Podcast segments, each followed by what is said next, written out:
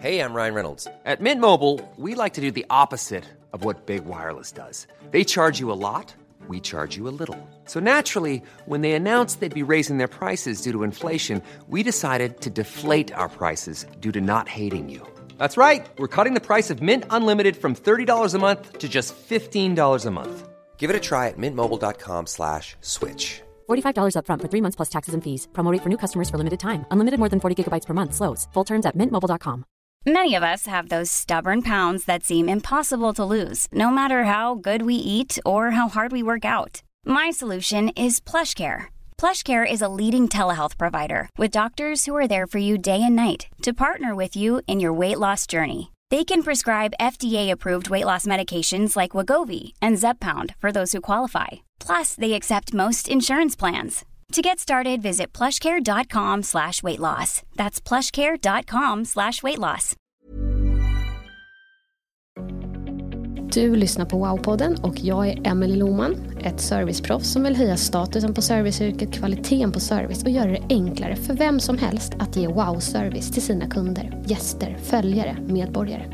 Det gör jag genom att utbilda, föreläsa, skriva och podda om service. Wow-service. I podden får jag chansen att prata service och kundupplevelse med inbjudna gäster som jag inspireras av och som jag hoppas kan inspirera dig. Så nu dyker vi in i det här avsnittet. Hej och välkommen till Wow-podden och välkommen till Wow-podden Teresa Acuna Lopez. Tack snälla. Kul att du ville vara med. Eh, berätta lite, vem är du och vad gör du? Ja, mitt namn är då Teresa Cunha Lopez. Jag driver idag ett bolag som heter Culture by Design som fokuserar på eh, arbetsglädje tänkte jag säga, men företagskultur som ger arbetsglädje. Eh, så att ehm, om dagarna så hjälper jag företag att eh, se på sin företagskultur, hur man kan arbeta strategiskt med den för att skapa arbetsglädje, motivation, engagemang och så. Så det är jag. Härligt, kul. Ja. Och det är det vi ska prata mer om ja. idag. Men innan bara så här nyfiken, vad är riktigt bra service för dig? Har du fått wow-service på sistone? Ja, men jag har ju en bakgrund också. Jag vet ju sen jag varit yngre och sådär jobbat eh, som servitris, jag har stått i butik, jag har jobbat med telefonförsäljning. Eh, så riktig wow-service för mig det är ju när man när man gör det där lilla extra, när man får in den där kunden som faktiskt har en dålig dag och så får man den att gå ut och bara känna så här, nej men axlarna helt plötsligt var inte så tunga längre. Så det är ju så här när man ger det där lilla extra. Coolt och det är ju verkligen så att ge service det är ju inte bara att vara liksom reaktiv och kanske svara på frågor eller bara om kunden kommer utan att ge det där lilla extra. Jag gillar det mindsetet ja. eh, att ta med sig när man jobbar med service. Mm. För det blir ju roligare då också. Exakt och det, för mig blev det som en liten morot också. Ja. Att liksom så här, oj här kommer det någon som är stressad och lite irriterad. Och då blir inte jag triggad negativt utan jag blir snarare mer så här, det blir nästan lite psykologiskt. Ja, jag blir taggad och bara så här, hur ska jag kunna få den här personen att bara få en bättre dag? Exakt. Uh, så det är underbart när man ser så här, paletten droppa ner på dem. Så bara, oh, men jag Ja men tack snälla och så går de. Exakt, det är lite det skiftet vi försöker göra när vi kommer in ibland. Att så här, ja, nu kommer den här. Istället för att trigga att så här, se det som att nu ska du liksom vända den här. Ja. Det ska bli den bästa ambassadören. Mm. Du kan liksom mm. påverka det. Ja, supercoolt. Ja. Eh, tack. Men du eh, jobbar ju med att stötta företag i att skapa en företagskultur som ger arbetsglädje. Ja. Eh, och man brukar ju prata liksom om att kulturen sitter i väggarna. Mm. Men det gör den väl egentligen inte. Nej, den gör ju inte det. Många tror ju det. Um, så ofta som man hör det tycker jag. Ja. Exakt. Kulturen här sitter i väggarna. Ja. Det här går inte liksom. Nej. Men vad är då en företagskultur och vad ingår i en kultur? Ja, men jag brukar oftast få den här frågan, eh, eller rättare sagt jag brukar ställa frågan när jag träffar medarbetargrupper och företag och sådär. Och så, eh, och så får man också säga, ja men det är väl AWn. och, och eh, AWn är ju en del av det. Men jag ska säga så här, om man ska eh, ta den korta versionen så kultur är egentligen det är våra beteenden, hur vi agerar mot varandra. Eh, och de tillsammans skapar ju mönster eh, som tas för givet och till slut så har man en norm. Mm. Eh, att så här gör vi på den här arbetsplatsen och det är ju kulturen. Mm. Och sen skulle jag säga att, eh, att just det här med kultur, det, det, den uppstår ju också... Många gånger så tror ju folk att man behöver jobba med så här, att man behöver säga till medarbetare så här, men ni behöver bete er på ett visst sätt. Vi har de här värderingarna och ledorden och det är då man också pratar mycket om när kulturen sitter i väggarna. Ja. Och så Eller på här, väggarna. På vägg, eh, exakt, på väggarna. Eh, men det man behöver det är ju egentligen också titta på förutsättningarna. Men vad har vi på plats då? Liksom hur, just den här apropå att arbeta strategiskt och strukturerat med företagskultur. Vad vi skapar för förutsättningar i arbetssätt och initiativ för att våra medarbetare ska vilja agera på ett visst sätt för att skapa mm. kulturen. Mm.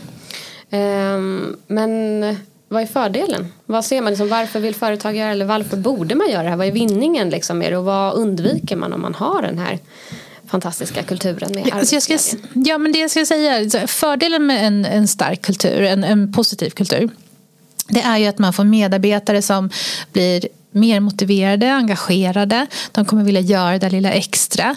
Jag ehm, har ju också sett studier som visar på att ehm, man alltså rent mår bättre mm. Eh, om det finns till exempel en hög grad av tillit. Eh, sjukfrånvaron sjunker om man känner en hög grad av engagemang och stressen går ner. Eh, så det finns väldigt många fördelar för medarbetaren. Men sen så får jag också frågan så här, men för företaget då? Jo, men tittar man rent eh, lönsamhetsmässigt så visar ju Gallup till exempel eh, en studie som mäter eh, employee engagement. Eh, då hade de en studie som visar på att ja, men det är 20 procents högre lönsamhet för bolag där medarbetarna känner en hög grad av tillit. Eh, jag vet att Great Place to Work hade ju också att det var tre gånger avkastningen för börsnoterade bolag om man hade en hög grad av tillit. Så det är också just det det är ju pengar i det också. Mm. Det här med kultur som vissa då tänk, pratar så här, men det är så flummigt och det är så mjukt och fluffigt och sådär. Det, det handlar ju faktiskt om att göra skillnad på sista raden. Mm. Eh, och sen också inte att förglömma, det är ju kunden. Mm. Kunden möts ju av, men tänk dig själv en, en engagerad medarbetare kommer ju också bidra med det lilla extra så kunden kommer ju få ett fantastiskt bemötande. Mm. För att det är de som träffar medarbetarna som är engagerade. Så att, det är en win-win-win för samtliga parter mm. om man har en framgångsrik företagskultur. Mm. Men så de som du hjälper, eh, liksom hur fungerar det? Var, varför kommer man oftast till dig? Är det att man vill bli bättre eller är det att man kanske har någon utmaning? Eller hur ser det ut och vad gör du då? Liksom? Jag skulle säga att det, det, är olika typer av utmaningar. Det kan vara till exempel att eh, man känner att eh, man har ett, låg, ett lågt engagemang. Eh, man har många medarbetare som slutar eller passiva medarbetare som det, bara, det är bara armarna i kors och sen så känner man med sig att ja, men du får ju lösa det där. Mm. Man tar inte tag i det själv. Ehm, det är också företag som är i stark tillväxt där man mm. hade en kultur som var fantastisk när man var små men sen helt plötsligt så de här kulturerna kulturbärarna som var de som inspirerade, som stod där längst fram i tåget, de är för långt bort nu. Eh, och då behöver man få hjälp att liksom, ja, men strukturera upp det här. Men vad, vad står vi för? Vad, vad har vi för kulturvision? och så där. Så jag ska säga, om man tittar på den typen av kunder som vi jobbar med, det är alla typer av kunder, alla typer av bolag, storleksmässigt, branscher och sådär. Men det man har gemensamt är att man, man har insett att nyckeln till framgång är medarbetarna. Mm. Och att man behöver förse dem med rätt förutsättningar för att de ska kunna vara de där eh, liksom glimrande stjärnorna som tar hand om kunderna på bästa sätt. Mm. Men hur, eh, har du något knep så här, om man har passiva medarbetare? Finns det någonting som man kan göra själv liksom? Eller Ja, jag skulle säga att man behöver, först och främst så behöver man ju, som jag brukar prata om, vi har ju en process för kulturutveckling. Då mm. behöver man också titta på nuläget. Och nuläget i form av att man behöver prata med medarbetarna. Man behöver kolla med dem, så här, men vad funkar idag? Vad funkar inte? Vad kan vi börja med? Mm. Och då behöver man också titta på, så här, man ska kanske inte styra det för mycket, utan också med så här, låta dem styra lite på. Så här, för det, ibland kan det vara så att det kanske inte har med kulturen att göra, det kanske snarare har med hygienfaktorerna att göra.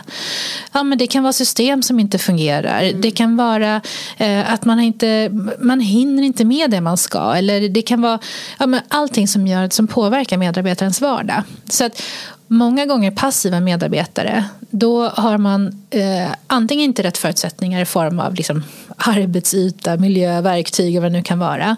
Sen kan det också helt ärligt vara så att passiva medarbetare kan också vara en ett resultat av en ledningsgrupp som inte lever som man lär till exempel. Eh, att man inte man är inte tydlig med, liksom, med mål för verksamheten, vart man ska någonstans. Förväntningar på medarbetarna mm. så att medarbetarna känner mer så här, jag orkar inte bry mig längre. Så att det är just det här att, att vill man ha liksom, vill man att medarbetarna ska nå sitt fulla potential och inte vara passiva så måste man ju titta på, på allt egentligen. Mm. Lever vi som vi lär? Hur vi skapar förutsättningar för dem att kunna göra sitt jobb? Står vi för det vi säger att vi ska vara? Mm. Så det är, det är många olika aspekter. Ja, jag kan tänka mig att det kan vara utmanande att göra det själv. Liksom. Att så här, ja, men nu ska vi gå ut och prata med alla medarbetare och sådär. Ja, men bra. Eh, men då börjar man med nuläget i alla fall. Och sen så tar ja. man sig vidare. Ja, men man behöver, just när det gäller passiva medarbetare. Jag skulle säga att som bolag för att skapa en framgångsrik företagskultur så behöver man också titta på önskat läge. Man behöver också ha samsyn i ledningsgruppen. Man behöver också få alla med. Det här att skapa en framgångsrik företagskultur det räcker inte med att det är en eller två i ledningsgruppen. Det, det, är inte bara en HR-fråga, det är en ledningsfråga. Mm. Så man behöver ju också hitta samsyn kring så här, bara, men, vad, vad, har vi för kulturvision? Vilken magkänsla vill vi att våra medarbetare ska ha? Hur mäter vi vår framgång? Eh, man behöver eh, också ha en förståelse för vad kulturen innebär. Mm. Eh, de bästa bolagen, de, på samma sätt som att du har en businessplan så har du ju en people plan. Mm. För att du behöver ju också dokumentera så vad är det vi gör för att vi ska nå våra mål. Det är så lätt hänt att företag bara tittar på okej, okay, men vad har vi? Ja, men, du vet, man gör den här SWOT-analysen och man har sina produkter och tjänster och så tänker man på liksom, det, liksom kostnader för allting och så vidare. Och så vidare. Men ingenstans där står det så här, okay, men hur ser vi till att vi får ett högpresterande team som ska hjälpa oss? För utan personalen så kommer de ju aldrig nå sina mål. Nej. Och då behöver man sätta en struktur kring det här. Mm. Så det är ju så självklart. Ja. Men det är inte alltid som man ser den här people-planen. Nej. upplever jag Nej, i alla fall. Exakt. Nej. Eh, men kan du ge något exempel på en bra företagskultur versus en dålig? Hur det liksom kan yttra sig rent konkret i en organisation eller ett företag? Jag skulle säga man kan ju prata om olika typer av kulturer. Mm. Man kan prata om um, en mer så transaktionsinriktad kultur som oftast är ganska negativ. Uh, hur den yttrar sig det är att du har passiva medarbetare. Eh, de kommer vara de där som sitter liksom bakåtlutade med armarna i kors. Där de känner med så här, fast det där tänker inte jag ta hand om. De kan se fel i verksamheten. De kanske ser så att det här systemet funkar inte eller den där, den där andra medarbetaren beter sig illa. Men de är så passiva så de kommer inte orka bry sig. De kommer bara, ja ja. De kommer också vara fokuserade på lönen och förmånerna och gnälla ganska mycket. För att de kommer också känna med så här, det är det enda de fokuserar på, det är min, så här, det är min lön. Mm. Ser man på en riktigt bra arbetsplats, eller liksom där, där det är en bra företagskultur, då kommer du ha medarbetare som de kommer lyfta, så fort de ser ett problem, då kommer de lyfta det. De kommer till och med ta tag i det där problemet. De kommer eh, bete sig bra, de, kommer, de tar inte med sig, vad ska man säga, den här, eh, jag brukar säga att du är din arbetsmiljö och alla andras. Mm. Eh, när de kommer in på jobbet så kommer de tillföra energi. De kommer inte vara de här energitjuvarna mm. till exempel. Eh, så det, det, är många fördelar och eh, också en framgångsrik kultur. Den är också strukturerad. Det finns en tanke bakom varför man gör det man gör. Mm. Det är inte bara att man har arbetssätt och processer utan man har kopplat det oftast till en kulturvision eller värderingar. Eh, som ett företag, en av Sveriges bästa arbetsplatser det de har gjort till exempel, de tittar ju på så en av deras värderingar är att visa omtanke. Och det de har gjort, och det, de gör en, en kulturinventering kan man säga. De tittar igenom hela processen, hela medarbetarresan egentligen. Allt från när man eh, kommer in i rekryteringsprocessen tills när man lämnar. Hur kan vi visa omtanke i alla delar? Mm. Eh, och då ett, så, när de bryter ner det då, då, då har de tittat på så, okay, men ett exempel i rekryteringsprocessen. Då ger de en goodiebag till mm. alla som kommit på slut, alltså slutkandidaterna. Så får de en goodiebag. Tack snälla för att du tog dig tid och kom hit. Wow. Så att de bästa arbetsplatserna, de, där sker det inte by default. Alltså det är inte en chansning kulturen utan det är snarare med man har satt upp en strategi och man jobbar tydligt med den i alla led. Mm. Wow, ja, det där var inspirerande. Och så jag tycker det var så bra hur du förklarar att man kan bryta ner allt från men den här värderingen behöver ju liksom andas genom varje steg annars ja. kommer man ju inte uppleva det. Nej. Jag vet att um, jag tror det var Valerie Oberle som var vd för Disney University i 26 år. Uh, hon de hade en värdering på Disney och det var typ rent en av de viktigaste för det behöver vara rent i nöjesparkerna och rent överallt. Så här, papperskorgen, de bara glänste, man bara ville slänga skräp i dem där. Um, och uh, då hade hon gjort ett test så här, när hon skulle ta in sina ja, kandidater på intervju. Då hade hon lagt en pappersbit knögglat ihop och lagt utanför dörren. Så hon såg den. Och eh, då tittade de på, är det någon som har snappat upp att vår värdering, en av de viktigaste, är rent? Och då var det en person som tog upp den och slängde den i papperskorgen. Ja, men, och så att hon tittade ja. mer på det än bara på, ja. på CVt. Liksom. Ja. Och sen måste jag också faktiskt lägga till det här med värderingar. Mm. För att jag får ju frågan ganska många gånger kring det här med värderingar.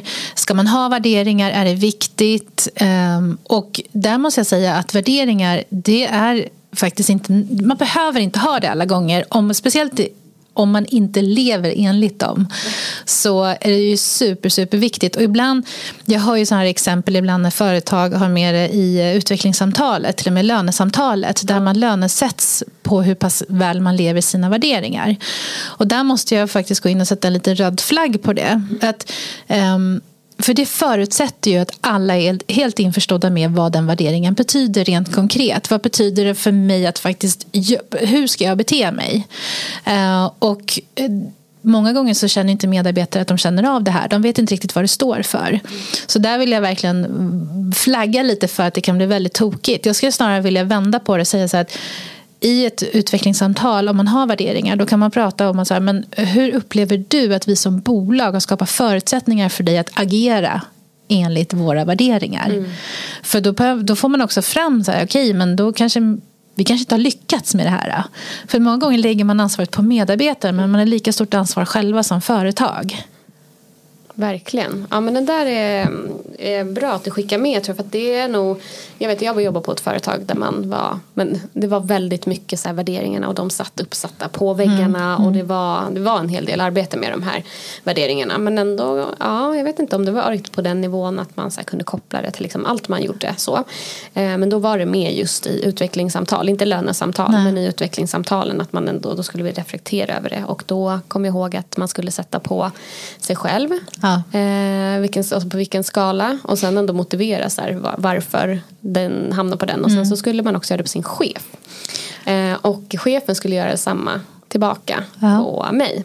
Och så fick vi se om vi höll med varandra. Men jag kommer ihåg att vi höll ofta med varandra. Ja. väldigt lika ja. i alla fall.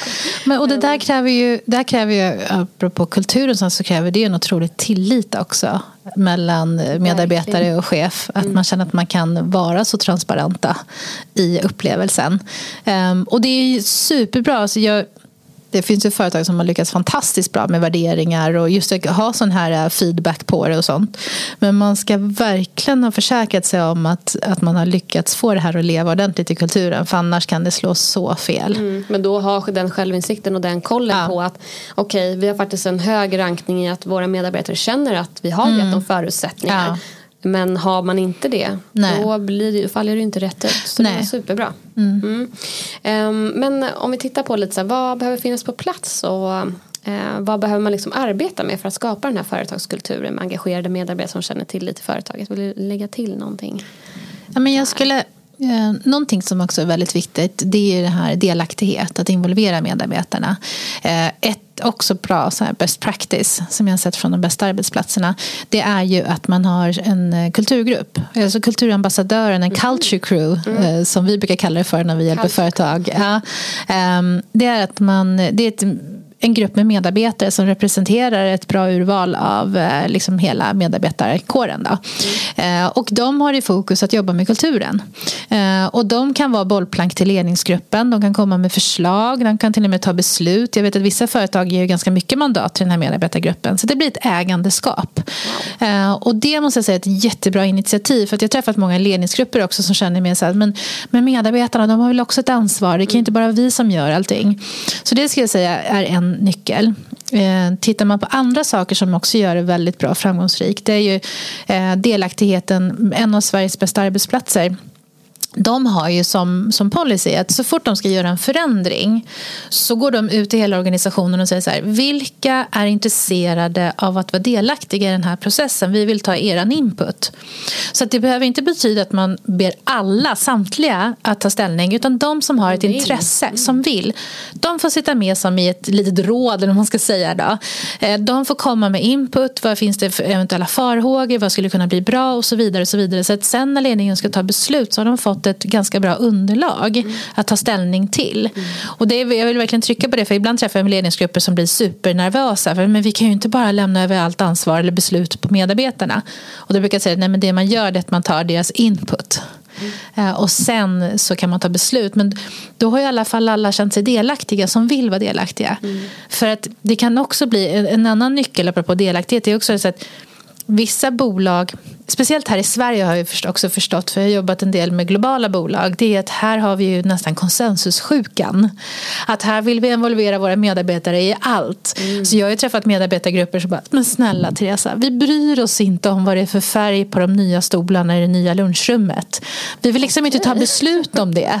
Eh, och där hade man använt sig av det här exemplet och som vi precis pratade om, då hade man ju bara frågat de som är intresserade. Mm. Och inte alla.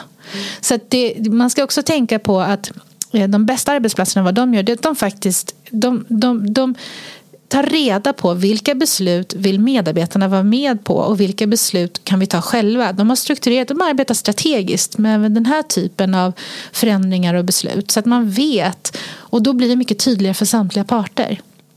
Det där är ju superbra och det här med delaktighet det ser jag också mycket att det, det ger så fina resultat. Men ja. också, eh, men jag har inte upplevt mycket men det kanske är för att jag oftast kommer in när eh, man vill bli bättre eller man vill liksom ja, men vad händer, jag vill få upp engagemanget så och eh, att man inte liksom får vara så delaktig alltid.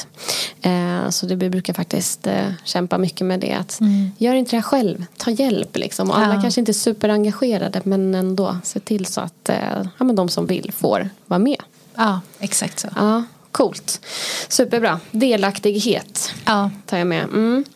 Um, vi har varit inne lite på det nu men är det någonting annat som du uh, kommer på som ja, men om man ska behålla sina liksom, medarbetare engagerade? Uh, finns det något annat man ska tänka på eller finns det någon fallgrop förutom nu var du inne på det här med att man kanske blir ja, men för, delakt, för mycket delaktighet mm. och så vidare. Finns det något annat som du vill um, lägga till? Ja, men jag skulle väl säga också någonting som, som jag har lärt mig genom åren som är så, um, vad ska jag säga, det som oftast medarbetare efterfrågar som de saknar eh, som skiljer de bästa arbetsplatserna från de som inte är så himla bra det är ju att de bästa arbetsplatserna de systematiserar ju till exempel uppskattning ehm, så att de har ju rutiner för sig. Men hur, och då vet jag ibland får jag frågan så här, nej men snälla rara, ska man behöva systematisera uppskattning?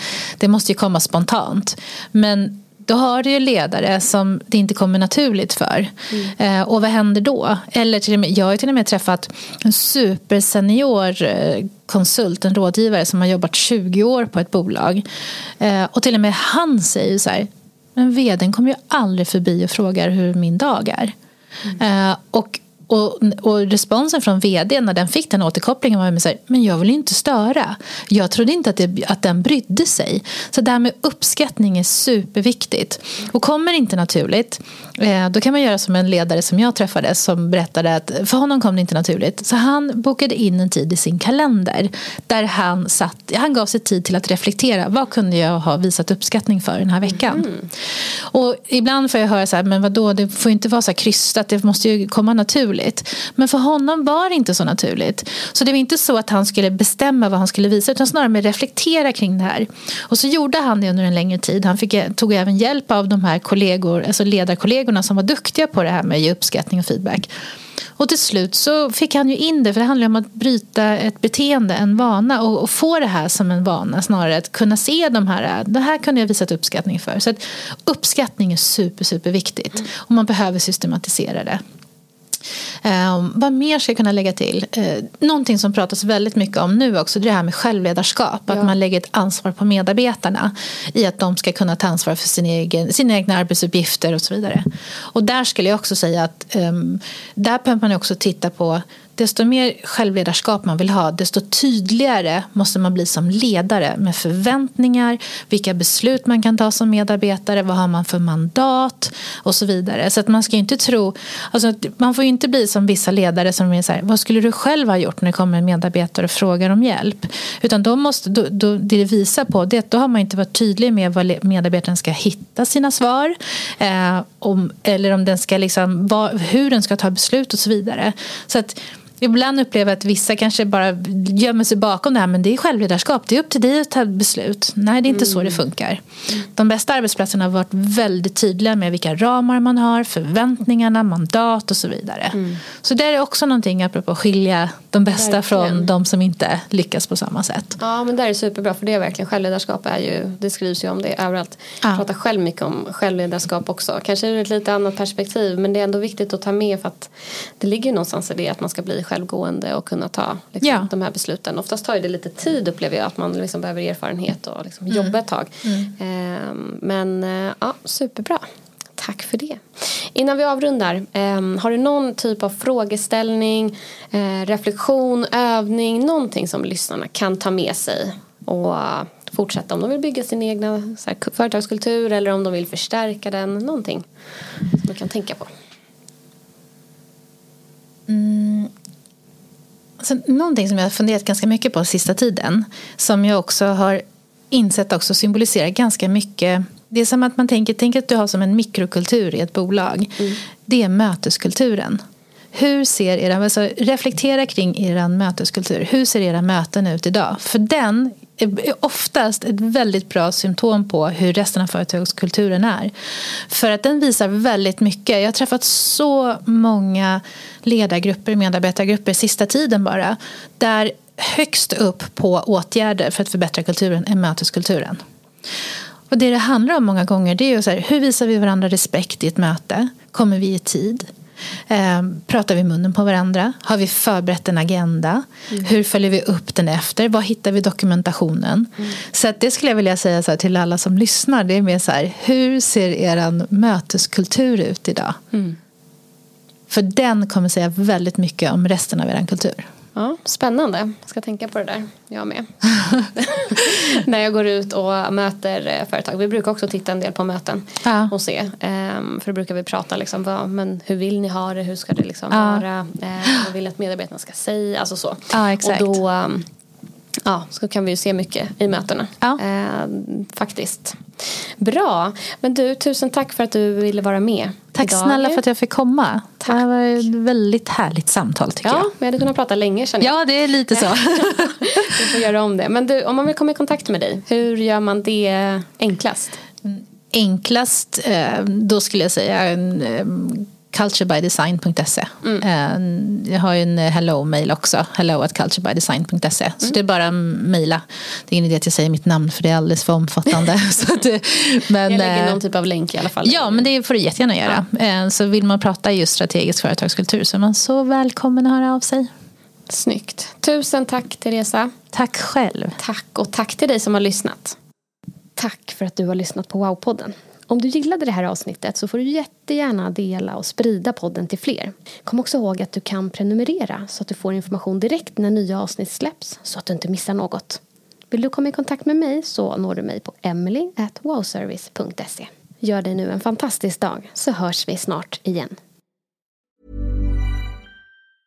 Mom deserves the best and there's no better place to shop for Mother's Day than Whole Foods Market. They're your destination for unbeatable savings, from premium gifts to show-stopping flowers and irresistible desserts. Start by saving 33% with Prime on all body care and candles. Then get a 15-stem bunch of tulips for just $9.99 each with Prime. Round out Mom's menu with festive rosé, irresistible berry chantilly cake, and more special treats. Come celebrate Mother's Day at Whole Foods Market. Mom deserves the best, and there's no better place to shop for Mother's Day than Whole Foods Market. They're your destination for unbeatable savings, from premium gifts to show-stopping flowers and irresistible desserts. Start by saving 33% with Prime on all body care and candles. Then get a 15-stem bunch of tulips for just $9.99 each with Prime. Round out Mom's menu with festive rosé, irresistible berry chantilly cake, and more special treats. Come celebrate Mother's Day at Whole Foods Market Market. Even on a budget, quality is non-negotiable. That's why Quince is the place to score high-end essentials at 50 to 80% less than similar brands. Get your hands on buttery soft cashmere sweaters from just 60 bucks, Italian leather jackets, and so much more. And the best part about Quince, they exclusively partner with factories committed to safe, ethical, and responsible manufacturing. Elevate your style without the elevated price tag with Quince. Go to quince.com slash upgrade for free shipping and 365-day returns. Hi, I'm Daniel, founder of Pretty Litter. Cats and cat owners deserve better than any old-fashioned litter. That's why I teamed up with scientists and veterinarians to create Pretty Litter. Its innovative crystal formula has superior odor control and weighs up to 80% less than clay litter. Pretty Litter even monitors health by changing colors to help detect early signs of potential illness. It's the world's smartest kitty litter. Go to prettylitter.com and use code ACAST for 20% off your first order and a free cat toy. Terms and conditions apply. See site for details.